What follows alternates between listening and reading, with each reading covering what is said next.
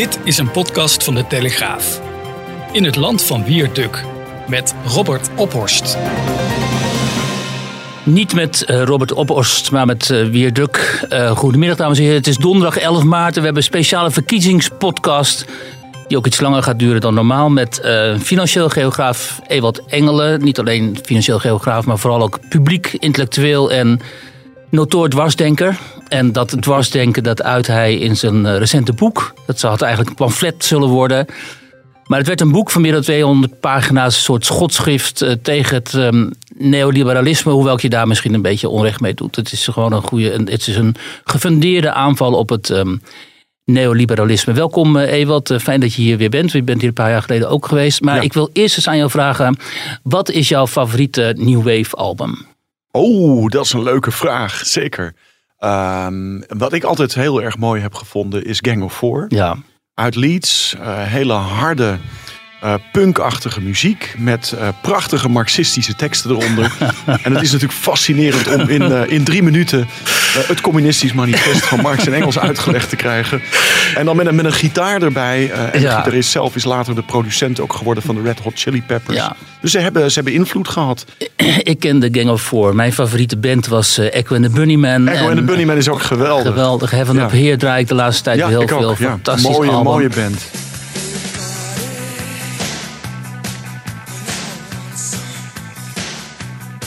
Kijk, en Nooit doorgebroken? Nee, niet zoals Simple Minds of nee, You Too. Maar ze en dat hadden ze wel verdiend, want ze waren eigenlijk beter. Ze waren gewoon beter. Ja, betere nee, zang, betere nummers. Ja. Dus mensen, als jullie nog een uh, muziektip willen, Echo and the Bunnymen heet die. En het interessante nu vind ik, hè, dus jij kent ook die uh, jaren tachtig uh, muziek. Ja. En ook de mentaliteit. Dat was no ook Future. Een, precies, No Future, Doom. Um, wat mij opvalt aan veel van die mensen van die generatie is dat zij um, die rebelse mentaliteit eigenlijk van die periode ook wel hebben bewaard. Dus als je ziet dat de babyboomers toch een beetje verstoft zijn geraakt in dat linkse, het semi-links, salonlinkse denken. Ja. En de jongere generaties nu helemaal dreigen vast te lopen in ofwel braaf de macht volgen, hè, ja. of uh, die woken gekte, wat gewoon de waanzin is. Dat vind waanzin je ook. ten top is die generatie die destijds zeg maar, uh, tot volwassenheid kwam, uh, heel rebels uh, gebleken en ja. gebleven ook, wat heel ja. fijn is. En dat type dwarsdenken, dat is tegenwoordig nauwelijks meer bonton. Hè? Dat wordt ja, niet, niet, zeer, ja, niet zeer gewaardeerd, precies.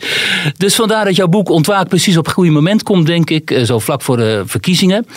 Um, in dit boek stel je aan de orde eigenlijk tien jaar Rutte. Hè, daar komt het op neer. Ja. En, daar, en, en, en de basis van tien jaar Rutte ligt in die neoliberale revolutie, kunnen we wel zeggen, die in de jaren zeventig begon met Thatcher ja. en ja. uh, Reagan. Waarom heb je daar zoveel problemen mee?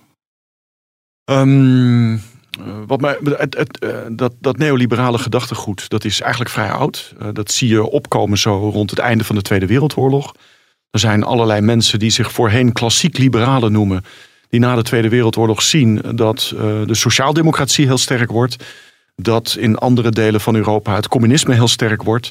Mede onder invloed van uh, ja, toch de enorme oorlogsinspanningen die de Russen onder Stalin uh, ge, gepleegd hebben. Want eigenlijk moet je natuurlijk constateren dat de Tweede Wereldoorlog gewonnen is. Door de Russen. Ja, in het, op het Oostfront uh, en niet op het Westfront. Ja. Het Westfront was echt een tiende van de omvang van het Oostfront. Dat weten heel veel mensen ook, ook niet. Hè? Nee, dat is in Nederland ook in de, na, in de Koude Oorlog geschiedschrijving is dat eigenlijk een beetje verdwenen. Ja. Dus die, dat, was, dat was heel dominant aan het worden. En die hebben... En daar kan je eigenlijk niets anders dan bewondering voor hebben. Met een uitgekiende publiciteitscampagne. Uh, en met, uh, met, met, met, met netwerkvorming hebben ze ervoor gezorgd. dat in allerlei delen van West-Europa en Noord-Amerika. ja, allerlei neoliberale pionnen op sleutelposities terechtkwamen. En dan vanaf het eind van de jaren zeventig, op het moment dat die sociaaldemocratie in crisis raakt. Door allerlei ingewikkelde oorzaken waar we maar niet op ingaan. Um, grijpen zij hun kans uh, en weten dus via die pionnen op sleutelposities uiteindelijk dat beleid te doen kantelen.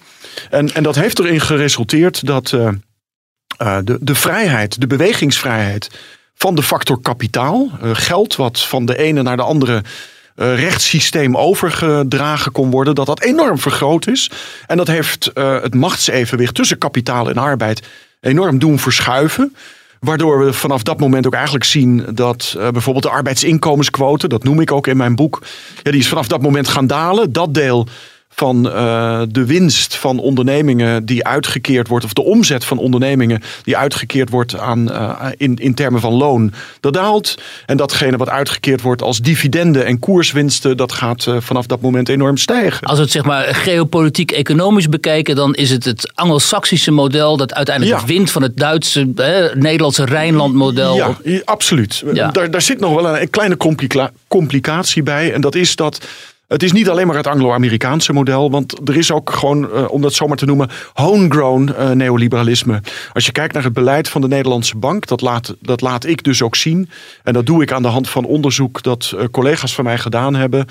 Uh, dan zie je eigenlijk al vanaf het jaar, de jaren 50 dat dat neoliberale gedachtegoed heel dominant is binnen de Nederlandse bank. En essentieel, hè, want het neoliberalisme wordt vaak gebruikt ook als een soort scheldwoord en zo.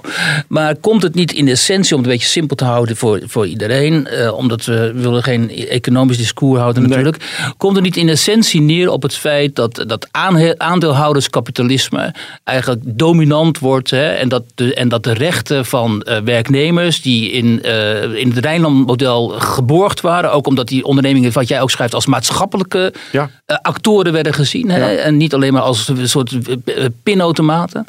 Um, dat dat zo dominant wordt dat die, die, die zeg maar die arbeidersklasse uh, totaal niet meer, de afgelopen 40 jaar is dat in Nederland geloof ik ook het geval, ja, profiteert van die enorme economische groei die we wel hebben gezien. Nee, dat is helemaal juist.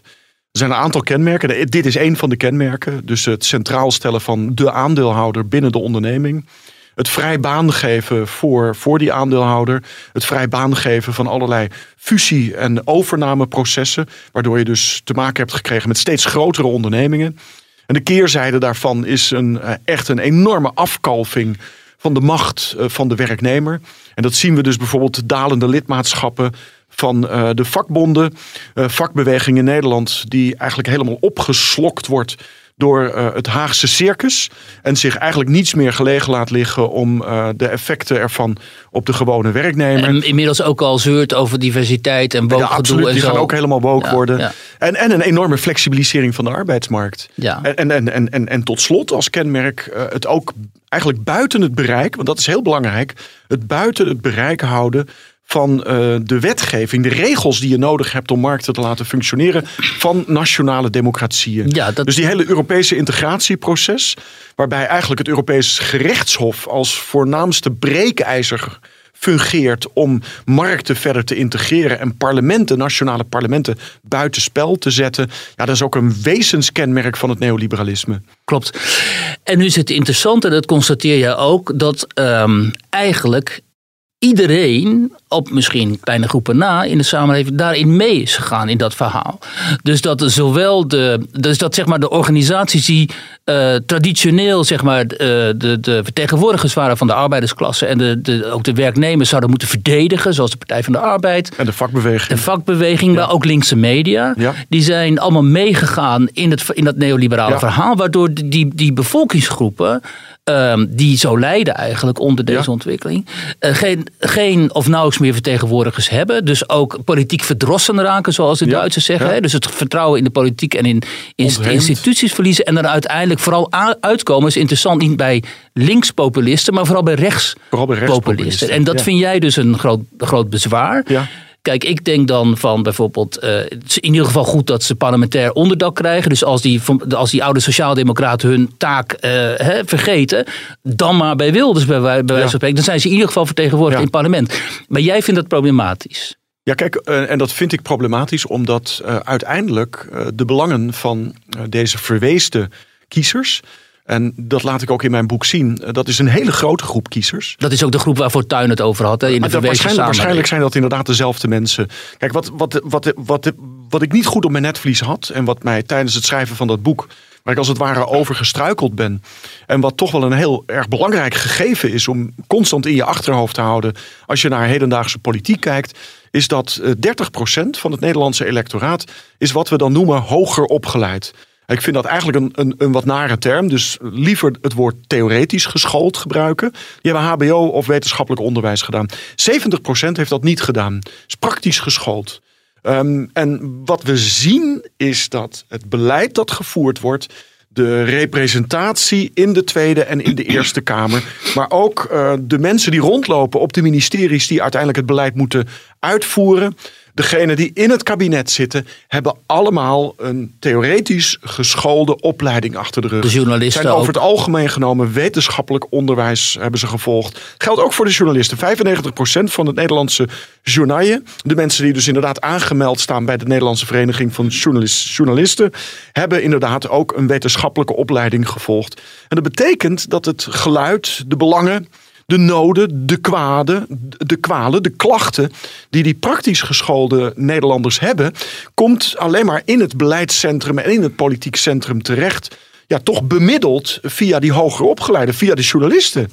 Uh, en via uh, de, de, ambtenaren, et cetera, et cetera. Wat je, wat je, eigenlijk, wat je eigenlijk zegt, hè, dat is ook en wel zij hebben, kern... zoals je aangeeft, zij hebben last met name van die doorgeschoten bewegingsvrijheid van de factor kapitaal. Ja. Daar hebben ze al 30, 40 jaar lang last van. Uh, de mensen over wie wij het hier ja, hebben. Stagnerende ja. inkomens, ja. stijgende zorgkosten, stijgende woonlasten, stijgende kosten voor het onderwijs, uh, stijgende gemeentelijke overheidskosten, et cetera, et cetera. Waardoor het besteedbaar inkomen van deze mensen, grote groep mensen, is alleen maar geslonken en is veel lager dan bij soortgelijke groepen in ons omringende landen. En als je dat weet, als je dat in je achterhoofd houdt en je hebt dan vervolgens het verhaal van Mark Rutte waarin hij zegt van ja, dit is een waanzinnig gaaf land. Ja, dan vraag je je de hele tijd af, voor wie is het een waanzinnig gaaf land? Nou, jij beweert, dat is essentieel jouw boek, hè, dat dit een gaaf land is voor die groep hoogopgeleiden. Die is groot. Ja. Uh, en die wordt ook dus gedekt door de media, zeg jij, omdat wij journalisten ook allemaal hoog opgeleid zijn. Dus we ja, zitten allemaal in we diezelfde delen hetzelfde bubbel. wereldbeeld. Precies, het gaat heel erg, hè, en dat is heel interessant uh, wat jij schrijft, over een gedeeld wereldbeeld waar buiten eigenlijk uh, mensen helemaal niet kunnen treden. En als ze er al buiten treden, dan komen ze in een positie zoals uh, mevrouw Kaag uh, laatst hè, in, die, Ja. in die documentaire over haar. Dat ze vraagt aan haar assistent over Forum voor Democratie kiezers. Wie zijn die mensen? Ja, ja, ja. ja, dus met andere woorden, ze heeft geen enkele kennis van. Nee. En ze kan het zich ook helemaal niet voorstellen dat die mensen bestaan kennelijk. Nee. Of dat ze, dat ze politieke opvattingen hebben. Ja. En uh, terwijl, zoals jij zegt, dat zijn heel veel. Dat zijn er heel dat veel. is een heel groot Dat is aantal. het merendeel van de Nederlanders. Juist. En dat ehm, is natuurlijk eigenlijk een verbijsterende constatering. En het is niet alleen maar dat uh, mensen als mevrouw Kaag zich niet kunnen voorstellen hoe het is om uh, niet theoretisch geschoold te zijn, om niet in een twee onder één uh, kap woning te wonen, om um, niet wat is het? Nou, aan het eind van de maand rond te kunnen om komen. niet aan het eind van de maand rond te kunnen komen. Meer dagen hebben dan je geld in je Ja. portemonnee hebt. Of genaaid Dat- te worden door de Belastingdienst. Of naar de voedselbank moeten. Of je geen weg te weten in de ingewikkelde bureaucratie. Of niet te snappen hoe je een eh, belastingaangifteformulier moet invullen. Et cetera, et cetera. Dat niet alleen. Het is ook nog een keer zo dat er neergekeken wordt Ja. op die mensen. Op het moment dat men over die mensen struikelt. En op het moment dat men er last van heeft. Mevrouw Kaag heeft last van deze stemmers. Want die gaan naar de PVV. Die gaan naar het Forum voor Democratie. Dan gaat dat meestal gepaard met een ongelooflijk neerbuigend dédain. Jij had er een hele mooie quote over. ehm, maar die ben ik dus even kwijt. Maar inderdaad over dat enorme dédain waarmee over deze mensen wordt gesproken. En eh, waarmee dus ook alleen maar in verkiezingstijd eh, geprobeerd wordt om een soort van rapport op te bouwen. hè. dan gaan ze is- wijken ja, nee, maar in. Het is een soort theaterstukje wat opgevoerd wordt.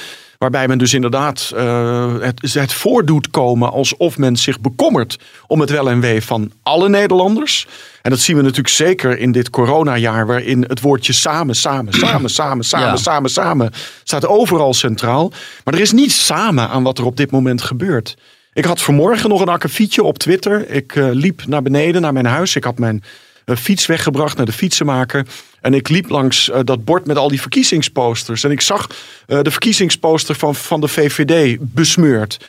Eh, Rutte had een Hitlersnorretje gekregen. En het eh, samen sterker verder was aangevuld met naar de kloten zonder N. Dus daar heb ik Ja. een fotootje van gemaakt, heb ik op Twitter gezet. Ik kreeg per keer in de post een tweet terug van D66-Kamerlid van Wijenberg. Die eigenlijk vond dat ik daar een opmerking had over had moeten maken. Omdat dat niet kon, vond Ja, hij. onfatsoenlijk. En hij vond het smakeloos. Ja. En ik heb daarop gereageerd eh, dat ik dat typerend vind voor D66-perspectief. Want het gaat eigenlijk alleen alleen maar of iets smakeloos is of niet. Terwijl je eigenlijk als Kamerlid, denk ik, de vraag zou moeten stellen: waar komt dit vandaan? Wat voor onvrede zit er achter uh, de, het persoon die uiteindelijk deze besmeuring van het verkiezingsposter gedaan heeft? Ja, maar dat is natuurlijk een vraag, deplorable geweest. Ja, in absoluut. Ogen, het is ja. natuurlijk, en dat heeft veel te maken met uh, ja, de dingen waar we het net over hadden. Uh, de flexibilisering van de arbeidsmarkt, het arbeidscontract dat uiteindelijk heel precair geworden is. de maand die langer duurt dan het salaris toelaat. de verslechtering van de publieke diensten die de overheid levert, et cetera, et cetera. Het niet gehoord worden, jezelf geen weg weten, niet erkend worden, constant met dédain bejegend worden. Dat zit erachter. En dat moet ook een D66-Kamerlid zich aantrekken. Maar waarom, en dat, jij schrijft daar ook over in je boeken, er wordt zelfs onderzoek naar gedaan naar die vraag, waarom is er dan niet massaal geprotesteerd hiertegen? En zijn die mensen dan zo geïntimideerd door dat dédain dat ze denken, nou ik hou mijn mond maar, want het zal allemaal wel kloppen wat mij hier verteld wordt. Waarom staan niet, zoals in andere landen wel, hè, bijvoorbeeld in Duitsland waren toen protesten, weet je nog, met die uh, agenda van uh, Gerhard Schreuder toen. Frankrijk zijn altijd protesten. Zeker. Uh, Spanje, massale protesten ja. ook altijd. In Nederland is het stil. Dus kennelijk leiden die mensen dan niet genoeg. Nou, maar je, dat, ik, uh, ik, heb, ik heb een heel hoofdstuk aan deze vraag gewijd. Uh, waarbij ik inderdaad zeg van nou zou het misschien komen doordat Nederland uh, een van de hoogste private schuldenlasten ter wereld heeft. Hè, hypotheekschulden. En als je schuld hebt en je hebt een koophuis en je weet dat je er 30 jaar over moet doen om het af te betalen. Ja, dat nodigt niet uit, echt uit tot al te veel rebellie. dat is, schuld als een van de effectiefste manieren om mensen tam te houden. Dat zit je in jezelf gekochte gevangenis. Je zit in jezelf gekochte gevangenis en je huurt in feite van de bank. En de bank zet je eruit op het moment, oh. nou ja, enzovoorts. En dat is het niet. Want ik laat ook cijfertjes zien waarin je dus kan constateren dat uh, op dit moment, hè, dat is eigenlijk de afgelopen tien jaar, dus tien jaar Rutte geweest, het aantal demonstraties, het aantal protesten en het aantal relletjes in Nederland nog nooit zo hoog geweest als de afgelopen 30 jaar. Het is min of meer vergelijkbaar met wat aan het einde van de jaren 60 gebeurde. Um, dus het is omvangrijk. Er is heel veel protest. Er is een enorm gevoel van ongenoegen over de manier waarop het reilt en zeilt in Nederland. Uh, maar dan komen we bij de, bij de kernvraag van hoe komt het dan dat dat protest eigenlijk, it's all over the place. Mm -hmm. Het gaat over allerlei verschillende soorten onderwerpen. En er is geen gemeenschappelijke noemer die op de een of andere manier in staat is om al die verschillende protestuitingen bij elkaar te brengen. En om dat zomaar netjes te zeggen, politiek te kanaliseren. Nou ja, dat is dus Zwarte Piet bijna geworden. En dat is nou precies de foute beweging in jouw ogen. Ja, ik, ik, heb, ik heb het idee dat we, we, we, we we zijn niet in staat, en, en dat is een interessante vraag, hoe komt dat dan? We zijn niet in staat om de grondoorzaak van dat ongenoegen adequaat te benoemen. En dat, die grondoorzaak heeft alles te maken met de neoliberalisering van de Nederlandse economie, de Nederlandse samenleving en de Nederlandse politiek. En heeft betrekking op kapitaalmobiliteit.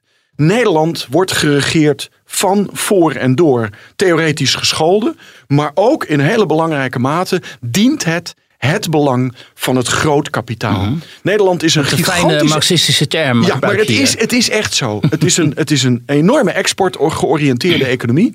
Het eh, huisvest, net als eh, Zwitserland en Zweden, een groot aantal multinationals. Anders dan in Zweden en anders dan in Zwitserland hebben die multinationals eigenlijk nauwelijks meer fabrieken staan in Nederland. Het zijn holdings, het zijn verkapte brievenbusmaatschappijen. En wij zijn, uh, met name die theoretisch gescholden, zijn werkzaam in het logistiek, distributief, belastingontwijkings- en financieringscomplex, om dat zomaar te Het noemen. bestuur ook. Het bestuur ervan, absoluut. Die zitten hier.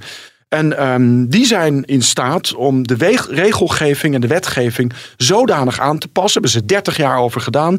Dat het allemaal ten dienste staat van dat complex. En uh, de gewone werkende man in Nederland, die heeft daar eigenlijk niet of nauwelijks baat bij. Maar ze zijn daarin extreem uh, gefaciliteerd door de politiek. Politiek, en niet gehinderd ook, uh, waarschijnlijk althans niet genoeg door uh, de media. Als, althans als je van jouw standpunt uitgaat.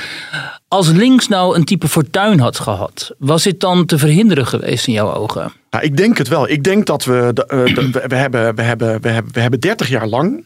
En, en weer de vraag hoe komt dat? We hebben 30 jaar lang eigenlijk niet een systematische, systemische, grondige, politiek-economische analyse gemaakt van wat er in Nederland gebeurt.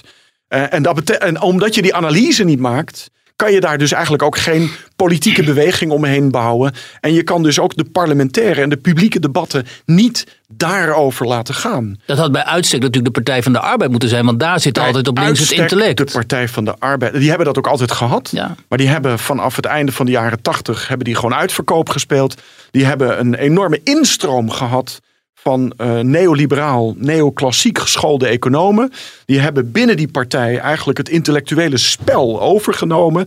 En dat betekent dat die partij vanaf dat moment eigenlijk gewoon een, eh, een derde weg. Blair-achtige sociaal-democratische partij is geworden. Waarin globalisering gezien werd als een gegeven. Waarin markten gezien werden als altijd eh, ten principale efficiënter dan de overheid. Waarin de overheid als het probleem werd gezien. En waarin vooral ingezet werd, net als D66 nu. Onderwijs, onderwijs, onderwijs, kansengelijkheid. En als je er maar voor zorgt dat je niet meer praktisch geschoold bent, maar theoretisch geschoold bent, ja, dan ligt de wereld voor je open. Dat verhaal. En waar, waar hebben we het wel over gehad? Nou, dat heb je al voor een deel gezegd. Publiek debat en ook in het pol- politieke debat. Ja, we hebben het over migratie gehad. We hebben het over de islam gehad. We hebben het over genderneutrale rompertjes gehad. We hebben het over Zwarte Piet gehad. We hebben het over genderneutrale wc's gehad. We hebben het over ongelooflijk veel woke-flauwekul gehad in toenemende mate. Maar we hebben niet die politiek-economische debatten gehad die we wel hadden moeten hebben. Dat wilde ik net aan jou vragen en ook een beetje uitdiepen. Ehm, want jij bent dus van de school die zegt. Eh, de gevestigde, de, de macht, die speelt hier de onderlaag tegen elkaar uit. Ja, dat hele woke en antiracisme verhaal is ook een verhaal tegen de blanke man aan de onderkant van de samenleving. Ja, die het al moeilijk heeft, sociaal-economisch. Ja. Die het net zo moeilijk heeft als zijn Turkse of zijn Marokkaanse Ja. En, of zijn hè, islamitische buurman, laten we het zo zeggen. En die twee worden nu tegen elkaar uitgespeeld. En de groep die daarboven hangt, de hooggeschoolde theoretici die het Ja. al goed hebben. Ja, die lachen in hun vuistje natuurlijk. Want die zien alleen maar versplintering daar Ja. aan die onderkant. Dat had de SP natuurlijk bij uitstek eh, moeten aangrijpen, dit verhaal. Dat is de, de, de Partij van de Wijken. Die kennen die mensen, die kennen Ja. al, ook de Marokkanen en de Turken en, en nu de Syriërs. Want die zitten zelf in, die zitten in hetzelfde schuitje. Precies. Waarom is dat niet gelukt? Ja, voor, voor een deel. eh, ik bedoel, dat is natuurlijk eigenlijk een vraag die je de SP zou moeten stellen. Eh, En zoals Nou, je weet, Roemer stond natuurlijk op een gegeven moment heel hoog. Hè? Ja, weet zeker. Nee, dat is in 2010. eh, in 2010 hebben ze een, een, een enorme strategische blunder hebben ze begaan. Roemer ging de verkiezingen in en dat was te midden, dat was in 2010, augustus, de zomer van 2010. Hij stond in juli stond hij helemaal bovenaan in Ja. de peilingen. En hij ging de verkiezingen in met de mededeling dat eh, de, eu- de eurozone, die landen, de lidstaten, dwong om te bezuinigen en lasten te verzwaren, ten einde het begrotingstekort zoveel mogelijk te reduceren. Daar wilde hij aanvechten en hij zei van nou, als ik premier word, dan ga ik naar Brussel en dan verscheur ik dat groei- en stabiliteitspact. Want het Nederlandse. Varoufakis werd die. Hij is afgemaakt Ja, kapot gemaakt. door hè? het establishment. En ze zijn daar zo van geschrokken dat ze bakzeil hebben gehaald. Terwijl volgens mij had je op dat moment echt gewoon het, de claim moeten maken dat eigenlijk alle Europese instellingen, van het Hoge Rechtshof tot de Europese Commissie, tot de ECB, tot de Europese Unie, tot de interne markt, tot het Europees Parlement, zijn neoliberale instellingen, hebben eigenlijk maar één doel: kapitaal faciliteren, democratie buitenspel zetten en eh, alles vastleggen in regels die uiteindelijk door nationale parlementen niet meer veranderd kunnen worden. Maar hij trad daarmee natuurlijk volledig ook buiten wat jij ook de beleidsconsensus Ja, noemt. absoluut. Ja, en dat, dat kan niet. Hè? Dat zag je ook bij Varoufakis. Eh, Die kwam met een heel ander verhaal. En dat, dat Dijsselbloem die, had, die, was, die was gewoon verbijsterd. Die dacht echt, wat is dit? Een man met een ideologisch verhaal. Dat haak staat op, op onze consensus Ja, maar wat nog wel fascinerender was, en dat zelf, diezelfde anekdote, die Dijsselbloem, die meende dus dat het verhaal van Varoufakis ideologisch was, maar hij zag niet de ideologie in zijn eigen Juist. verhaal. Dat En- is en, heel- dat en- is dat de, de vis eh, herkent het water Ja. niet waarin hij zwemt. Dit is een- Maar het is een door en door ideologisch verhaal. Dit is essentieel natuurlijk wat je nu zegt. Eh, ik vraag me af of, of Dijsselbloem dat inderdaad niet begrijpt. Zou best kunnen hoor. Dat, Natuurlijk. dat men dat inderdaad niet begrijpt. Of dat ze Je denken... ziet jezelf als de norm. De theoretisch geschoolde ziet zichzelf als de norm. Ziet zijn eigen culturele smaken als de norm. Vindt dus het gebruik van allerlei iconen en symbolen die op de een of andere manier verwijzen naar de Tweede Wereldoorlog. Het Hitler-snorretje Mhm, op het affiche van, van Rutte. Dat is. Dat doe je niet. Dat Nee. is niet bon ton. Bepaalde terminologie gebruiken. terwijl die Van Weyenberg, die snapt dan niet, ja, ook terminologie gebruiken, de Godwins. Ja. Het, is, het is de manier bij uitstek van de praktisch geschoolde om tegen de theoretisch geschoolde een opgestoken middelvinger te maken. Want Ja. hij weet, hij weet dat deze iconen, ja, die schuren met de fatsoensnormen van Ja. de theoretisch geschoolde. En zo ziet die theoretisch geschoolde niet. Dat Nou, niet. dat is natuurlijk heel interessant, omdat je ziet dus bij de opkomst van Baudet eh, precies dit gebeuren. Hè? Ja. Eerst maken ze, denken ze, wat is dat voor, wat is dat voor studenticoos typetje? Hè? Dan, Ja.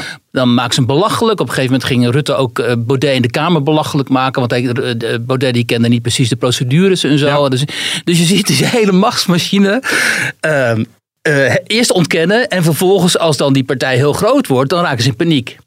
En dan zie je dus wat ze gaan doen om hem kapot te maken. Ehm, en Thierry Baudet geeft daar dus ook volledig heel veel, veel aanleiding toe. Omdat Nee, dus zeker. Die allerlei alle, alle, de ene, ene flater naar de andere. Ja, precies. Allerlei. Maar even los daarvan. Ja. Hè? Ook was Thierry Baudet eh, eh, totaal fatsoenlijk. Er was helemaal niets gebeurd in die appgroepen en zo. Hij was sowieso kapot gemaakt. Omdat hij nou natuurlijk een heel ander verhaal heeft. Wat ook volledig buiten die consensus Ja. over Europa, over cultuur en noem maar op valt. Hè? En dan uiteindelijk met medewerking van de media zie je dan, hè, NRC en Volkskrant, die gaan daar meewerken. Die gaan ook grote stukken schrijven over iemand als Eva Vlaardingenbroek bijvoorbeeld. Een meisje van 23 die dan iets zegt, maar dat is dan de, de, de, de, de, de wie is het, Rieventaal, Rieventaal heet, nee, de Eva Braun van de Nederlandse politiek opeens en zo. Dus je ziet die, dat hele machine in werking komen en het is succesvol. En net zoals destijds met Rutte is het dus ook met eh, Baudet, die weliswaar, daar moeten we steeds als disclaimer bij zeggen, ook veel te veel aanleiding toe heeft gegeven. Is het succesvol? Alleen met Wilders is dat niet gebeurd, omdat hij toch kennelijk ehm, eh, nou, dat uiteindelijk onraakbaar is. Maar hij is, daar, rond hem is een, eh, een cordon sanitair natuurlijk Ja, gevormd. ja. Dus uiteindelijk Ja. kun je zeggen, ja, je kunt schrijven, schreeuwen wat je wilt. En je kunt mensen aantrekken en je kunt boeken schrijven. En je kunt mensen wijzen, joh, kijk nou eens in welke ideologie je eigenlijk zelf leeft. Maar winnen ga je het niet.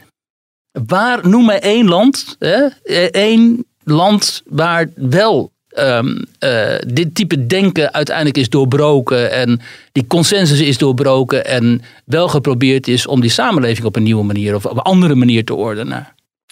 Ja, dat is een ingewikkelde vraag. Ik bedoel, wat je wel ziet is dat op sommige punten kan die de consensus doorbroken worden. Trump. Eh, het- Trump heeft dat voor een deel gedaan.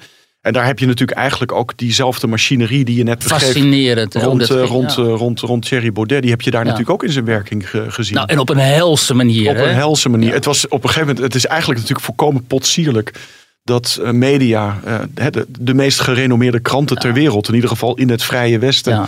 De New York Times en de Washington Post, die hebben vier jaar lang eigenlijk niets anders gedaan dan ieder commentaar Ja. eh, wat eh, Trump afgaf, om dat eindeloos Ja. te bekritiseren, uit te pluizen, Ja. groot eh, te maken in hun eigen redactionele pagina's. Het leek wel alsof er vier jaar lang eigenlijk geen andere bron van nieuws was dan de tweets van Donald Trump. En in die zin dus. Volkomen obsessief, hè? En dat is dus dat is, dat is, dat dat is gewoon- pathologisch, pathologische pathologisch. obsessiviteit. Ik wilde zeggen psychotisch, maar het is pathologisch inderdaad. Het is klinisch. En, en het, het tragische is dat deze instituten, wat toch instituten waren, eh, zich daarmee dus vol- volstrekt eh, onbetrouwbaar hebben getoond. En nog meer dan we al vermoeden als lakeien van die Ja. consensus. Van die, Ja, ik- als, ik, als ik wat mag zeggen, ik weet, ik, dat mag ik in Nederland niet zeggen, maar het is toch wel verbijsterend. Dat als je nu kijkt naar de twee landen die vaccins tamelijk effectief hebben uitgerold. Dus natuurlijk, Israël plaats ik dan even tussen haakjes. Er zit het Verenigd Koninkrijk en de Verenigde Staten. Die hebben een enorme voorsprong op de Europese Unie. In termen van percentage van hun populatie dat gevaccineerd is. En dat is natuurlijk eigenlijk, zowel bij Verenigd Koninkrijk is dat heel duidelijk. Dat is natuurlijk gewoon de, de regering Johnson die dat gedaan heeft. Nou, is ook in Nederland en in andere West-Europese landen is dat eindeloos verketterd. En Ja. ze zullen alle, ongetwijfeld allerlei domme dingen gedaan hebben. Maar dit doen ze heel effectief. En Na dat is in de Verenigde zou Staten. UK instorten immers. Hè, Ja, zeker ja. En dat is in de Verenigde Staten natuurlijk idem dito. Het is heel effectief. Dus daar heb ik begrepen van dat in een groot aantal staten gaat binnen afzienbare tijd de horeca weer open. Dus het, het, het virus, de pandemie lijkt daar onder controle te zijn. En dat is niet Biden hoor. Dat is Trump geweest. Ik bedoel, dat kan niet anders. Dat hele, die hele, dat hele logistieke apparaat is dus onder de regering Trump opgezet. En Biden plukt daar nu de vruchten van. Lees je dat in de kranten? Nee, dat lees je niet in de kranten. En dat, eh, dus ja, er zijn Nou, zoveel dingen die je niet mag zeggen. Een heel interessant eh, anekdote schreef jij. Dat, ik meen dat eh, de Financial Times was. Dat, Times, dat de, het commentaar in de Financial Times over een opinie die ze notabene in hun eigen krant hadden afgedrukt. Ja. Hè, ehm, dat, dat is wel heel aanschouwelijk. Als je, heb je dat in je hoofd, die anekdote? Ja, dit gaat over het neoliberalisme. Ja. De- de- de- het woord neoliberalisme werd door de voorstanders ervan altijd gezien als een leeg begrip. Dat alleen maar gebruikt werd door de anti-globalisten, Naomi Klein en dat soort mensen. Eh, en toen op een gegeven moment in 2016 kwamen twee hoofdeconomen van het IMF met een eh, lang stuk waarin zij eigenlijk eh, ja, een soort ehm, overzicht gaven van wat nou de verworvenheden van het neoliberalisme waren geweest. En zij zeiden dat het op allerlei punten tekort had geschoten. Het was om twee redenen interessant. Het had tekort geschoten. Dat werd eerlijk toegegeven door het IMF. Wat sowieso ook in de Griekse crisis een hele zindelijke rol gespeeld heeft. Veel zindelijker dan de Europese Commissie en de Europese Centrale Bank. En ze gebruikten het woord. Een eye-opener. Fantastisch dat ze dat deden. Nou, dan krijg je een hoofdredactioneel commentaar van de Financial Times een dag later. Journalisten die dus inderdaad ook gewoon een neoliberaal wereldbeeld in hun achterhoofd hebben. En die er schande van spraken dat het IMF dit deed. En dat ze beter hun werk moesten doen. En dat het geen pas gaf om voer te geven aan linkse en rechtse populisten.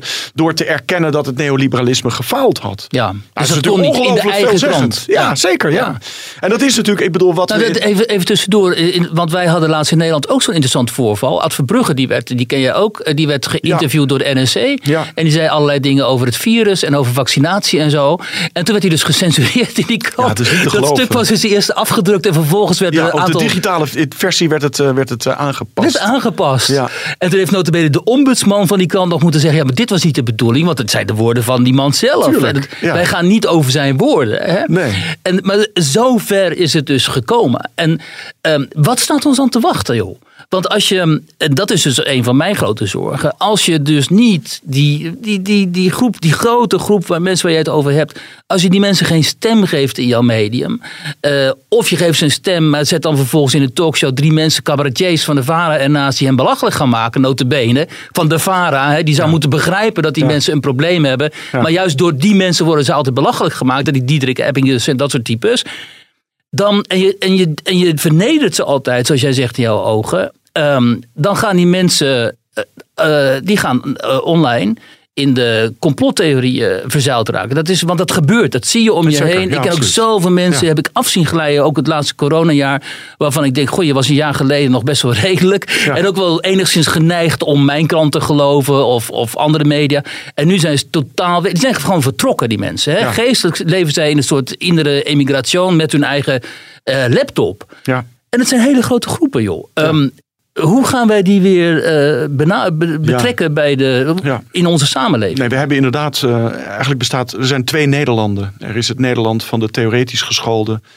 En er is het Nederland van de praktisch geschoolde. En die praktisch geschoolde, die hebben inderdaad, zoals jij aangeeft, eh, lopen het gevaar om zich te verliezen in complottheorieën. Ehm, complottheorieën zijn over het algemeen genomen te simpel om adequaat verklaringen te geven voor wat er zich voordoet. En ze doen ook een te groot beroep, om dat zomaar te noemen, op de, de rationaliteit van degene die aan het hoofd staan van zo'n complottheorie. En eh, eigenlijk moet je gewoon constateren dat het merendeel van de dingen waar we mee geconfronteerd worden, zijn eerder het gevolg van stupiditeit. En van eh, oogkleppen en van tunnelvisie en van groupthink, groepsdenken, dan dat ze ook daadwerkelijk complotachtige trekken hebben. Dus dat, dat is één kant. En die, en die theoretisch geschoolden in hun universum, ja, die hebben enorm de neiging om te geloven in. Waar, wat, wat, en daar reken ik mezelf ook toe als theoretisch opgeleide. Om onze eigen stierenpoep te geloven. Wij, wij produceren zo ontzettend veel bullshit. Innovatie, eh, duurzaamheid, ehm, eh, efficiëntie, doelmatigheid, managen, consultant, ehm, mindfulness. Het is alles allemaal, met allemaal smart ervoor. Hè, zoals smart, ja, ja, precies. Ja, alles is smart. Alles is smart. We doen aan smart governance, we doen aan smart agriculture. We hebben smart cities en smart grids en weet ik veel wat voor Bill Clinton begon daarmee, schrijf je. Obama is, heeft ja, het... Ja, die heeft het eindeloos uitvergroot. En, en, dus dat is, dat is dus de, de stierenpoep van de theoretisch gescholden. En ik denk dat we allebei wat moeten doen. Ik denk, maar het, het, het initiatief zal moeten komen van de theoretisch gescholden. Zij hebben het merendeel van de hulpbronnen in handen. Zij zitten op de machtigste posities. En zij hebben eigenlijk uh, de samenleving gemaakt zoals die nu functioneert. Dus wij zullen de eerste stap moeten zetten. Nu zijn het twee hele interessante dingen. Dat een aantal weken geleden, geloof ik, in het Nederlandse parlement opeens alle partijen begonnen over de tekortkomingen van het neoliberalisme. Hè, tot en met uh, Klaas Dijkhoff. Ja. Maar dat jij in jouw boek schrijft, en dat is ook, uh, dat moeten mensen ook echt lezen, want dat zijn hele goede inzichten. Dat het neoliberalisme eigenlijk drijft op dit soort crises. Ja, absoluut. Dit soort crisis nodig heeft juist om zich verder te ontwikkelen. En maar in negatieve zin voor de burger dan. Dieper in de samenleving door te dringen. Ondemocratischer te worden. Ja. En um, dat is heel beangstigend, omdat wat wij nu zien met het coronapaspoort en uh, met de burgerlijke vrijheden die ons worden ontnomen, ja.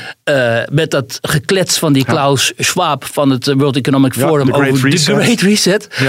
Dat duidt allemaal in de richting van jou gelijk. Dat deze coronacrisis wordt aangegrepen om dat neoliberalisme nog dieper te vestigen. Zodat er die, die lastige burgers zich nog koester houden. Ja, nee, kijk, dat, dat, het, het neoliberalisme uh, functioneert op basis van uh, het buitenspel zetten van democratie. Um, en uh, dat, dat zien we natuurlijk nu in deze coronacrisis, zien we dat gewoon op alle fronten gebeuren. We hebben een, omdat, ik, ik, ik, ga weer een Godwin doen. we hebben een gelijkgeschakeld parlement. Oei. Um, waarin eigenlijk vrij weinig uh, kritiek geformuleerd wordt op de genomen maatregelen. Ik vind het schokkend om te zien dat onze ehm, civielrechtelijke grondrechten dat die niet in goede handen zijn bij 150. En als je er 75 Eerste Kamerleden bij zit, 225 Kamerleden. Op een uitzonderingen, uitzonderingen ja. Daar gelaten. Um, en, en, en we zien dat de steunmaatregelen, we hebben volgens mij 60, 70 miljard uitgetrokken om de sociaal-economische effecten van de maatregelen die het kabinet heeft afgekondigd, om die te dempen. Dat die, uh, die, die demppogingen die komen zeer ongelijk in de samenleving terecht. Er is veel voor het grootkapitaal, er is veel voor mensen met een vast arbeidscontract, er is weinig voor het midden- en kleinbedrijf en er is weinig voor ZZP'ers en kleine zelfstandigen. En dat leidt ertoe, en dat zien we eigenlijk ook mondiaal, dat de inkomens- en vermogensongelijkheden, een van de gevolgen van 30 jaar neoliberalisering, was ook al zichtbaar voor het uitbreken van corona, wordt in het coronajaar alleen maar groter. Maar dan verbaast het mij dat mensen denken, dat er mensen zijn die denken dat zo'n regering op, op basis van die maatregelen bewust zou nastreven om het eh, MKB bijvoorbeeld en, hem eh, en de ZZP'ers te benadelen. Want ik kan me niet voorstellen dat er ook maar één coalitie denkbaar is die het mee zou kunnen leven dat het eh, MKB kapot gaat. Nee, Terwijl maar de ondernemers dat op dit moment wel zeggen. Ja, maar men heeft, ik bedoel, het gebeurt hè. Het, het MKB gaat kapot. Dus, dus dat het, het gebeurt. En natuurlijk weer niet across the board. De verdwijnt niet, want brood moet er gegeten worden. Maar met name in de horeca vallen natuurlijk enorme klappen. Um, en men heeft niet goed nagedacht over, uh, wat is het, instrumenten buiten de consensus, buiten de instrumenten die men eh, geaccepteerd vond, om op de een of andere manier uh, MKB te helpen, de kleine zelfstandigen te helpen, de ZZP'er te helpen. Ik bedoel, we hebben een enorme vergroting gezien van de balans van de ECB.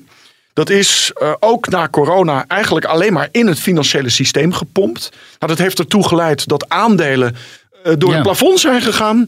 Dat allerlei aanpalende financiële producten ook door het plafond zijn gegaan. Nou, we weten allemaal dat de mensen die die dingen bezitten, ja, dat zijn met name de rijken. Dus die hebben ook hun bezittingen enorm zien toenemen. Maar we hadden natuurlijk er ook over na kunnen denken over of we die balans niet zouden kunnen gebruiken om bijvoorbeeld iedere Europese burger een uh, rekening te geven bij de ECB. En daar het bedrag op te storten in de vorm van een basisinkomen. Zodat we dat op die manier hadden kunnen gebruiken om een vloer te leggen onder uh, de economie. Nadat die economie voor een deel tot stil. Dus dat soort instrumenten is, dat, dat heeft niet plaatsgevonden. Dus, is dat ook, heeft het ook te maken met dat uh, vanuit die bestuurscultuur en die politieke cultuur op die manier gewoon niet gedacht wordt. Nee. Dus er zit, en, en dat heeft weer veel te maken met uh, de economische paardenfluisteraars. Kijk, een belangrijk onderdeel van mijn boek is ook het verdwijnen van uh, politiek-economische debatten uit het publieke en politieke debat. En met politieke economie bedoel ik dus echt debatten over de inrichting van onze economie. Wie heeft welke. Niemand heeft het nog over politieke economie. Hè? Nee, Mooi is dat. nee, dat is echt een ouderwetse term. En die is op een gegeven moment ergens aan het einde van de 19e eeuw is die verdwenen. In sommige landen meer en in andere landen minder. In Nederland is het helemaal verdwenen. Nederland zal dus ook nooit een Thomas Piketty baren. Hè? Die man die, die prachtige boeken geschreven heeft over toenemende inkomens- en vermogensongelijkheden. In Nederland hebben we weer, weer een Godwin te maken met gelijkgeschakelde economen. Ze kijken, denken allemaal op dezelfde manier over economie. Economie is een grafiek met aanbod- en vraagcurves die zich ergens kruisen. Uh -huh. Dat er een hele omgeving omheen zit met macht, met verschillende actoren, met huishoudens, met natuur, met een overheid die bepaalt hoe die markten eruit zien, wat er wel en wat er niet op markten verkocht mag worden, is gemakshalve vergeten. Nou, dat betekent dat die politieke economische discussie, die wordt in Nederland niet gevoerd, die wordt ook in de politiek niet gevoerd en dus is die kennis er ook niet. Dus men kijkt eigenlijk met een hele smalle bril op naar economie en heel veel dingen die je dus wel had kunnen doen. Ook gedurende corona. Die zijn gewoon op dat moment. Die, die, zie, die zie je niet. Allemaal dezelfde adviseurs. Allemaal door het CPB. In de, door de wasstraat van het CPB gekomen adviezen. Met alle beperkingen van dien. Nu is het interessant, en dat zeg ik nou wel heel vaak, maar het is ook zo dat um, gezegd wordt, zeg maar door de herauten van dit type denken. Uh, dat het ook terecht is dat zo gehandeld wordt en dat zo gedacht wordt en dat hun denken ook uh, zich. Uh, There is dat, no alternative. Ze vinden precies het bewijs van hun denken vinden zij in de ontwikkeling in de samenleving, want zeggen ze immers, dankzij die markten en dankzij dat neoliberalisme profiteert de hele wereld. Hè? Want kijk maar, de armoede gaat drastisch omlaag. Mensen leven gezonder. Uh, mensen hebben het uh, beter. Uh, er is meer democratie. kindersterfte neemt af. En het, hè, mensen als Bill Gates, en zo noem jij ook in je boek. En in, in Nederland, het Nederlands taalgebied, iemand als Maarten Boudry. Ja. Waarschijnlijk ook Rutger Brechtman. Dat, ja, die zal, zullen, kunnen, zal het ook, niet. dat weet ik ook niet. Maar die zullen, zal het waarschijnlijk ook beweren. Mensen worden alleen maar gelukkiger en gezonder en rijker. En ze, Ja. en ze leven langer. Dankzij die markten en dankzij dit type denken. En jij zegt, ja, maar die, ze vervalsen statistieken. daar komt het Ja, daar komt het neer. gewoon pla- platweg op neer. Eh, ten eerste is de vooruitgang minder groot dan we altijd gedacht hebben. En daar hebben we een hele reeks van indicaties voor. Ik bedoel, de arbeidsproductiviteit stijgt eigenlijk al niet meer vanaf het einde van de jaren zeventig. Ehm, we hebben ehm, eigenlijk maar één grote technologische vondst sinds dat moment gehad. En dat is, dat is het internet. Dat internet is niet tot stand gekomen dankzij de markt, maar eigenlijk dankzij vooral Amerikaanse defensiebestedingen. Eh, we hebben inderdaad een iets wat schoner klimaat gekregen Ik hier dit, in dit Nederland. telefoontje ook wel een eh, technologische vondst. eh, Ja, maar het, is ook, het heeft ook allerlei schadelijke sociale en ook psychologische effecten. Dat is zo, ja. De, de, de, de, de, de verslaving aan de constante kick. eh, of word ik wel of niet geretweet? Absoluut. En, en dat, soort, dat soort shit, waarbij de, hè, de, de, de, de verstilling die je af en toe nodig hebt om na te denken over samenleving en je eigen plek erin, die, die is ook een beetje verdwenen. Onze vervuiling hebben we geëxporteerd naar China. En inderdaad, er zijn 300, 400, 500, misschien 600 miljoen Aziaten die hebben een enorme welvaartssprong gemaakt. Maar de prijs die we daarvoor betaald hebben, met name in Noordwest-Europa en in Noord-Amerika, is 30, 40 procent van het Nederlandse, Ne- Nederlandse werkenden die een precair arbeidscontract heeft. Stagnerende inkomens voor grote groepen Nederlanders. Ehm, eh, politiek die eigenlijk enorm gekaapt is door de belangen van het grootkapitaal. Dus een zekere mate van de-democratisering. Eh, welzijn eh, dat eigenlijk gestagneerd is sinds het einde van de jaren 70 of misschien zelfs wel gedaald. En, en, en uh, across the board toenemende inkomens- en vermogensongelijkheden. Maar hoe kan het nou dat jouw analyse zo totaal anders is dan bijvoorbeeld die van, uh, van Mulligen? Hè? De, van, van de, ja, zeker. die heeft net Ja. dat boek, heb ik ook een stuk over geschreven, nog over, Ja, eh, uitgebreid geïnterviewd nog. Die zegt dat ook in Nederland, waar jij zegt nu ja, die mondiale push die hebben we te danken aan die 300 miljoen geloof ik Aziaten. Maar eh, Van Mulligen die, die zegt dat ook in Nederland gewoon die, deze statistieken eh, positief zijn. Hè? Goede integratie, eh, mensen raken hoger opgeleid. Nou ja, alles wat jij noemde, ziet hij eigenlijk in een positieve context. Eh, Wat, Nou, wat de- deels, heeft hij, de- de- deels heeft hij gelijk, maar hij laat dus ook heel veel niet zien. Hij laat niet zien, het, het, het, wat is het, de, het, het, het, het eco- ecologische woestijn die Nederland eigenlijk aan het ja, worden dat is. vind jij inderdaad. Ja, hè? dankzij Ja. die vee- en vleesindustrie heb je gewoon te maken met een landschap wat volkomen monocultuur geworden is. Met een enorm verlies aan biodiversiteit. Hoge stikstof, hoge nitraat, eh, eh, scores, et cetera, et cetera. Dat is één. Eh, wat hij, waar hij het ook niet over heeft, is de enorme schuldenlast die wij met ons meetorsen. Waarbij we natuurlijk uiteindelijk ook toekomstige generaties met de, met de, met de opdracht opzadelen. Om, om in ieder geval voldoende economische groei te genereren. Om die, om die schuld een beetje Ja. fatsoenlijk af te Ja. lossen. Moet je onze kinderen nagaan, joh, met eh, hun studieschuld en Het nu die schuld die op een niet te geloven, joh. Ja. Dat is echt verschrikkelijk. En ze komen ook die, die huizenmarkt niet in. We Nee. hebben een volkomen uit het lood geslagen, geslagen huizenmarkt. Wat hij niet meeneemt zijn de gestegen kosten voor onze verzorgingsstaat. Hè. De zorgkosten zijn enorm toegenomen. De kosten voor onderwijs zijn enorm gestegen. De lokale belastingen zijn omhoog gegaan. Ja. Eh, de, de landelijke belastingen zijn omhoog gegaan. Ehm, de dienstverlening is slechter geworden. Ons onderwijs is eigenlijk slechter geworden. We hebben wel een toename van het aantal mensen wat dan theoretisch geschoold is. Maar als je kijkt wat voor opleiding ze genoten hebben. en je vergelijkt dat met wat er 30 jaar geleden geleerd werd. Nou, ik kan je verzekeren dat het een stuk slechter is. Ja, het houdt niet over vaak. Ja. Nee. Ja. Is hij dan eh, in jouw ogen een typische vertegenwoordiger van wat jij noemt, en dat is een schitterende opmerking, ook de elite-democratie van de linkse Brahmanen, zoals jij ze noemt? Ja, dat is niet mijn fonds. Dat is van Thomas Piketty. Ja. Hij heeft het dus inderdaad over die linkse Brahmanen. Ja. En dat zijn eigenlijk al die mensen die een professie uitoefenen. Nou, professies in Nederland uitoefenen. Dan heb je het over eh, medisch specialisten, accountants, advocaten, hoogleraren, journalisten. Ja, die Mhm. Sorry. hebben, die, hebben, die hebben een certificaat nodig. En dat certificaat. Asselbehoofd, ja. Ja, ja, nee, ik ook hoor, net zo goed. Dat certificaat dat ontleen je aan een, aan een academische opleiding. En, en, en wij, hebben, wij, hebben een, wij hebben een wereldbeeld en wij hebben een, een welvaartsstatus. Wij hebben ook een gezondheidsstatus. Want wij leven dus ook in goede gezondheid 12 tot 15 jaar langer dan de praktisch geschoolden. Ja. Nou, dat is, een, dat is een datapunt wat veel Nederlanders niet op Dat hun netvlies hebben. onwaarschijnlijk Het is ja. onwaarschijnlijk. En daar zou eigenlijk veel meer rugbaarheid aan gegeven moeten worden. En ook aan de verklaringen. Hoe komt dat dan? En hoe komt het dat er zulke verschillen zijn in de wijze waarop wij eh, in de middel na de, en na de basisschool uitgesorteerd worden? Je gaat of naar het VMBO of je gaat naar het algemeen vormend onderwijs. En het is zo onwaarschijnlijk bepalend voor de rest van je levensloop. We Jij zegt, hoe in- komt dat dan? Dat komt door wat jij zelf schrijft, namelijk dat de waarheid sociaal is en niet wetenschappelijk. Ja, nee, zeker, absoluut. Dus een van, de, een- van de eerste dingen die wij ook zullen moeten gaan beseffen, wij theoretisch geschoolden, dat wij niet een exclusieve claim op waarheid hebben. Dat Leg er verschillende manieren van kennis zijn. Nou ja, kijk, wat wij doen eh, als theoretisch gescholden, wij eh, privilegeren. Dus wij vinden één vorm van waarheid, vinden wij eigenlijk de zwaarst wegende vorm van waarheid.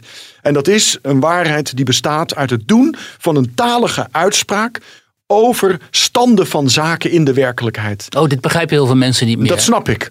Maar wij, wij, hebben, wij hebben waarheidsclaims die ehm, ehm, in zinnen uitgesproken moeten worden. En vervolgens hebben we, en dat is wat universiteiten doen, die zijn niets anders aan het doen dan testen of de zin die we uitgesproken hebben ook daadwerkelijk klopt met de werkelijkheid. Nou, dat noemen we wetenschappelijk onderzoek.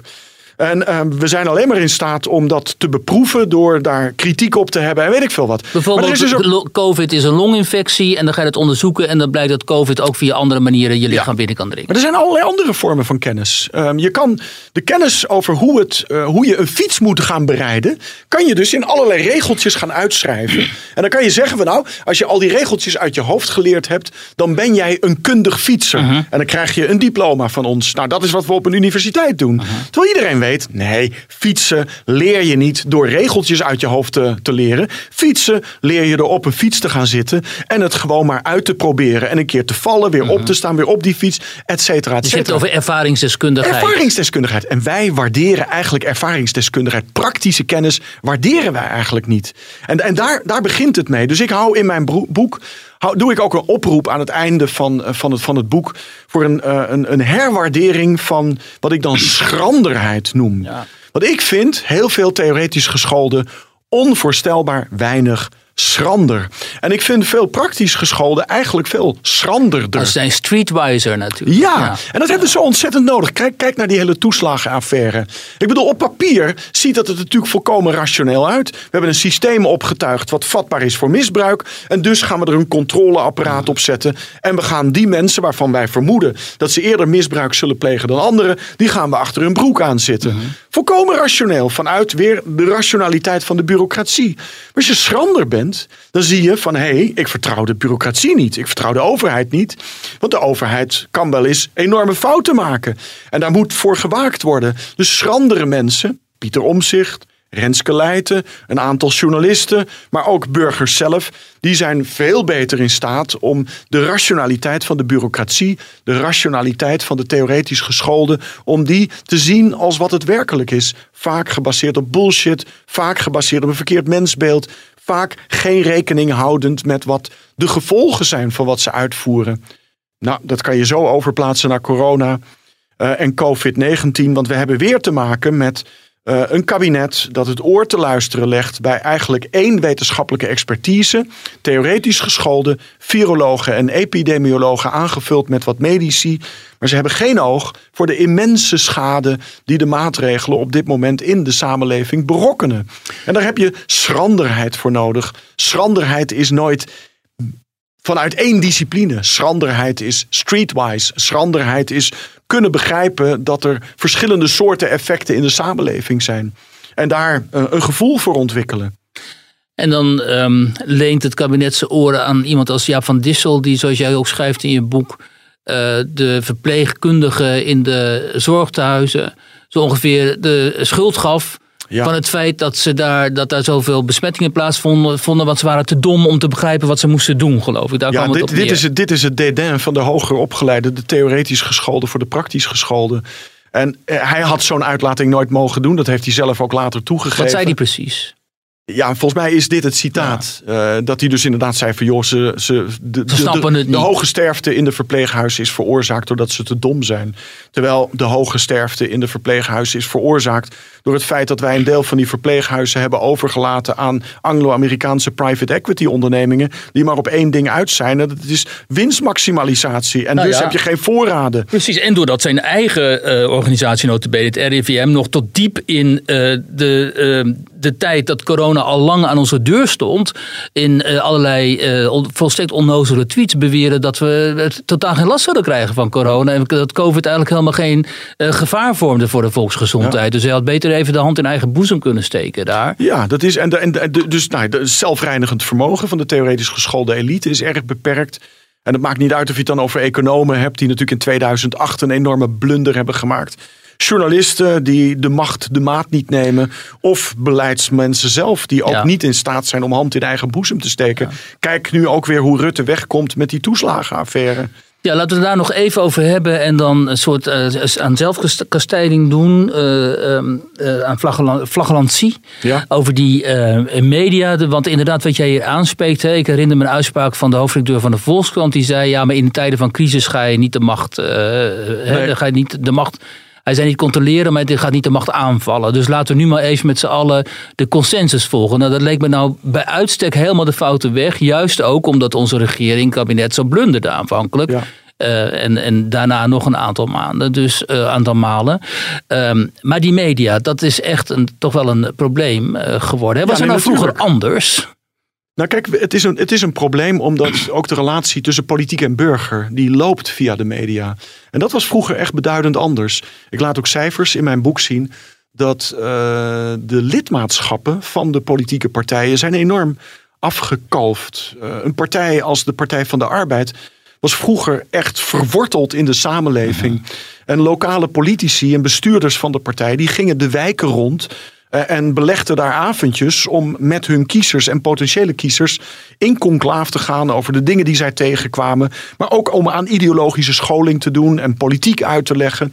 Dat is allemaal weg. Dat is Ja. allemaal weg. Dus het zijn als het ware partijen geworden die in het luchtledige van Den Haag hangen. En de enige manier waarop zij communiceren met hun kiezers is via de media. Nou, dat betekent dat de filters die de media tussen burger en politiek inleggen, ja, die zijn absoluut bepalend voor wat burgers te weten komen. Hoe burgers kijken naar politieke vraagstukken. En, en ook voor politici wat voor informatie zij van burgers terugkrijgen over waar, waar burgers mee zitten. Ja, Daar gaat wat mij betreft van alles fout in. Zoals? Nou, ze krijgen informatie over wokeness. Ze krijgen in- ehm, informatie over integratievraagstukken en eh, migratievraagstukken. Ze krijgen geen informatie over stagnerende inkomens, over gestegen zorgkosten en, eh, en hoe men last heeft van eh, de doorgeschoten kapitaalmobiliteit. Dus daar, daar gaat van alles fout in. En dat betekent dus ook dat in dat Haagse wordt eigenlijk niet of nauwelijks over die fundamentele politiek-economische vraagstukken gesproken. Ehm, het tweede wat fout gaat, is zeker rond corona dat er kennelijk op de een of andere manier onvoldoende informatie doordringt in die bestuurlijke schil rond Den Haag over wat er op dit moment in de samenleving gaande is. We hebben een jongere generatie die op dit moment, eh, je kan het overdreven vinden, maar volgens mij is het dat echt niet, die op de rand van depressie Ja. collectief zit, die geconfronteerd gaat worden met zwaar beschadigde levenskansen, doordat men eh, slecht opgeleid is, de arbeidsmarkt eh, op een wijze functioneert die enorme lange termijn consequenties voor hun totale verdiencapaciteit gaat hebben. We hebben een MKB wat op de rand van instorten staat. We hebben een cultuursector, met name de vrije eh, kant ervan, die eh, eh, aan, de, aan de rand van zijn reserves zit. Eh, we hebben een horeca die 30, 35 procent omzetverlies heeft gezien in 2020. Dus er gaat van alles mis in de samenleving. Nou, ik vraag me ehm, in gereden gemoede af in welke mate dat doordringt tot Den Haag. Niet als je je alleen maar laat informeren door virologen en epidemiologen. Want die hebben maar één cijfer in hun hoofd. Dat is R. R moet onder de 1 komen. En ze zijn bereid om alles op te offeren om dat te doen. Nou, ik denk dat je dus veel breder geïnformeerd moet worden. En dat je dus ook critici van het lopende beleid. Andere scholen binnen de epidemiologie. Dat is niet één school, er zijn verschillende scholen actief. Die zul je aan het woord moeten Ja. laten. En de media moeten dat doen. Ja, En dat doen zie het je wel. Hè, dat, dat, dat, vanaf, we hebben het wel een beetje geprobeerd begint vanaf te het begin. En het begint nu wat te Maar kantelen. kijk inderdaad. naar hoe er bericht is over Zweden. Zweden is een van de weinige landen in Noordwest-Europa die van meet af aan een andere koers ge- gevolgd heeft. Omgekeerde lockdown. Inzetten op isolatie van de kwetsbaren. Rest van de samenleving zoveel als mogelijk de, eh, de, eh, de, de, zijn, zijn gang laten gaan. En, en dat is in eerste instantie is dat uiterst negatief besproken in de. Nederlandse media. Vervolgens is het stil geworden. Ik heb geen idee hoe het er nu mee staat. Af en toe druppelt er wat door. En dat is niet alleen Nederlandse media hoor. Dat zijn ook de Britse media die niet meer die interesse hebben. Volgens mij gaat het daar heel redelijk op dit moment. Nou, ik heb niet de indruk dat daar nu veel slechter gaat dan hier. Nee. En, ehm, maar goed, op een gegeven moment moesten ze ook naar lokale lockdowns, eh, geloof ik. Ehm, Maar, maar dat hebben wij dus uit- niet gedaan. Hè? We hebben geen lokale lockdowns. Nee, we hebben natuurlijk generiek dit land Ja. op slot gezet. Ja. En met alle gevolgen die. Want wat jij hier. En het is niet evidence-based. Hè? Want dat, ik bedoel, als theoretisch gescholden dan iets zouden moeten kunnen doen, dan is het evidence-based beleid maken. Maar als je, en dat is ook wat ik in mijn boek gewoon schets. Ik bedoel, kijk naar de debakels van de afgelopen 15 jaar. Of het nou gaat om de financiële crisis, of het nou gaat om de eurocrisis en de bezuinigingsmaatregelen, de toeslagenaffaire, eh, de decentralisatieoperaties, de, de marktwerking in de zorg. Is niet evidence-based, het is ideologisch-based. Ja. Het is ideologically driven. En, En het is je zou niet- dus evidence-based beleid ook verwachten in die COVID-omstandigheden. En het is het niet. En het is niet succesvol gebleken. In En het is niet succesvol. Maar dan vraag ik me af, hè, ik lees dan je boek en ik hoor je praten. Wat is dan voor jou die ideale samenleving? Wie, eh, hè, welk, wat voor partijen zouden die nu kunnen vormgeven in jouw ogen? Maar weet je, Hoe weet, je, je wat het is? En ik vind het wel leuk, om, want, want zo begon je. Hè? Je begon met die, die punk of nieuwe Ja. generatie. Waarvan je dus eigenlijk zei van nou, als er, als er ergens nog wat rebelsheid in de samenleving eh, zit. Dan is het vaak afkomstig van mensen die in die periode, om dat zomaar te noemen, volwassen geworden zijn. En, en wat ik met terugwerkende kracht, ook eh, als ik dus kijk naar mijn eigen carrière en mijn, mijn eigen intellectuele carrière, wat ik daarin gewaar word, is een enorme af, argwaan ten opzichte van instituties. En dat heeft iets, er zit iets anarchistisch in. En ik, ik denk dat, dat, dat we, dat we wat, wat, wat we gezien hebben in 40 jaar neoliberalisme, is dat de instituties, onderwijs, zorg, eh, groot bedrijf, maar ook politiek en media, het is steeds verder van ons afkomen te staan. Het is steeds groter geworden. En, en een van de effecten van het groter worden is dat er een soort waterhoofd aan, aan, aan management, aan performance indicators, aan administratie, aan functioneringsgesprekken, aan aansturing, dat heeft daar plaatsgevonden. Zowel in de publieke sector als in de private sector. Daar moeten we vanaf. En dat is ook de bullshit. Daar mhm. zit de bullshit. Daar, zitten, de al die managers met die hoge inkomens. Al die, absoluut, met die MBA's en de McKinsey's en, enzovoort. Vreselijk. Met allemaal vage studies waarvan je niet weet wat dat dan is. Het is niet te verstaan. het is niet te volgen. Allemaal bruine schoenen. En daar moeten we vanaf. Dus het moet weer terug. Het moet terug naar de burger. En als je dat doet, terug naar de gebruiker, terug naar de consument, terug naar de burger, terug naar de, de patiënt, terug naar de de, de, de ouders, terug naar de student, terug naar de scholier. Kleiner maken, breek het op. Haal die, haal die overhead eruit. En schop al die theoretisch geschoolde managers eruit. Is dit niet wat een echte CDA ook zou zeggen, bijvoorbeeld? Een echte CDA. Mhm. Maar ik ben bereid om iedereen te omarmen die, mhm. dit wil, die dit wil overnemen. En daar zit een element van anarchisme in. Uh, geef die organisaties, maak ze klein, breng ze dichtbij en geef ze de ruimte om, om te experimenteren, om te reageren op de verschillende vragen die hun gebruikers, hun cliënten, hun scholieren, hun studenten, hun consumenten hebben. Ben je niet bang? Een flinke dosis anarchisme moet er in de samenleving terug. Ben je niet bang dat dit soort denken helemaal uitsterft en dat het anarchisme dat in de toekomst eh, ons te wachten staat alleen maar vanuit die woke hoek zal komen? Want dat is een heel anarchistische beweging in zekere zin. In de zin dat ze dus alles afwijzen. Hè? Alle verworvenheden ook. Uh, ook alle, elke consensus. En dat ze alleen maar denken in ras. En uh, in mate van agency. En zich vooral keren ook tegen whiteness. En misschien daarmee uiteindelijk wel, een burgeroorlog uh, riskeren. En dat, dat is niet het type anarchie dat we zoeken. Nee, dat is niet het type anarchie wat we zoeken. En dat heeft veel te maken met het feit dat het uiteindelijk alleen maar neerkomt op het het opschonen van de taal die we spreken. Je mag niet meer blank zeggen, maar je moet wit zeggen. Ehm, het uh, neerhalen van standbeelden. Uh, het verwijderen van inscripties op muren. Als dat op de een of andere manier gelieerd kan worden aan uh, slavenhandel. Het herschrijven van de geschiedenis. Het herschrijven van de geschiedenis. En, en, en we weten natuurlijk allemaal, jongens, dit gaat, hier gaat niemand wijzer van worden. Ik bedoel, wat dat betreft, jij, jij zei van, had Fortuin het anders gedaan? Nou, waar ik me heilig, dat weet ik dus niet, waarschijnlijk wel. Maar waar ik heilig van overtuigd ben, en dat zeg ik ook in mijn boek. Wat we nu nodig hebben, is een Martin Luther King. Uh Die snapte dat je met het, het opschonen van de taal en het neerhalen van standbeelden. Dit is, dit is afleidingstheater. Dit is, dit is bullshit. Dit is wat theoretisch gescholden leuk vinden. Maar wil je de sociaal-economische belangen van zwarte in Nederland behartigen, van de Marokkaan in Nederland, maar ook van de SP-stemmer behartigen, dan moet je daar een gedeelde agenda van maken. En die gedeelde agenda is niet zo moeilijk. Dat is goede huisvesting, een goede, zekere, redelijk betaalde baan. Dat is een redelijk leefomgeving. Dat is een zekere mate van ontspanning. Een goede garantie voor welzijn. Dat is inspraak in politiek. Uh, dat is een functionerende democratie. Dat is goede infrastructuur en, en, en, en gezondheidszorg en onderwijs. Dat is niet zo moeilijk om te bedenken.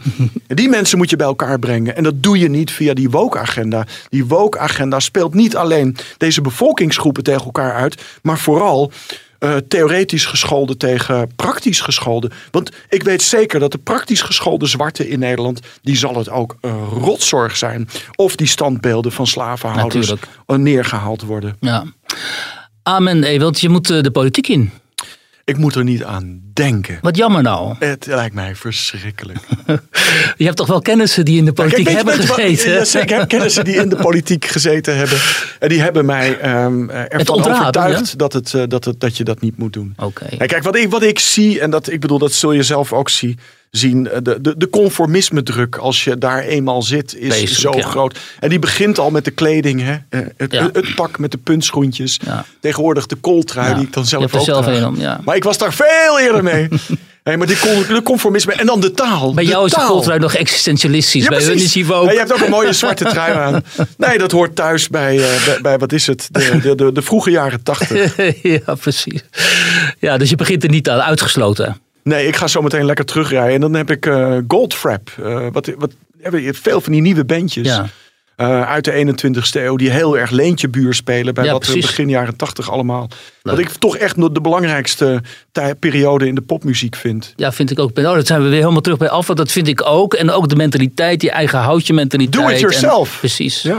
Dus dat is misschien wel een goed advies aan al die mensen die zich in coronatijd ook eh, zeg maar niet gehoord voelen of, eh, hè, of depressief worden. Van geef niet op en doe het zelf en maak er wat van. Dat, eh, je, hebt niet de, alleen maar de, je hebt niet de overheid nodig om iets Nee. van je leven te maken. Nee, maar kijk, wat je wel nodig hebt is natuurlijk in termen van wet en regelgeving. De instituties die zouden meer ruimte eh, moeten creëren voor eigen eh, initiatieven van burgers. Ik bedoel, kijk naar een, een onderwijs. Ik, ik, ik, ik bedoel, een van de dingen die ik in mijn boek doe, is natuurlijk dat, dat onderscheid tussen theoretisch geschoolde en praktisch geschoolde.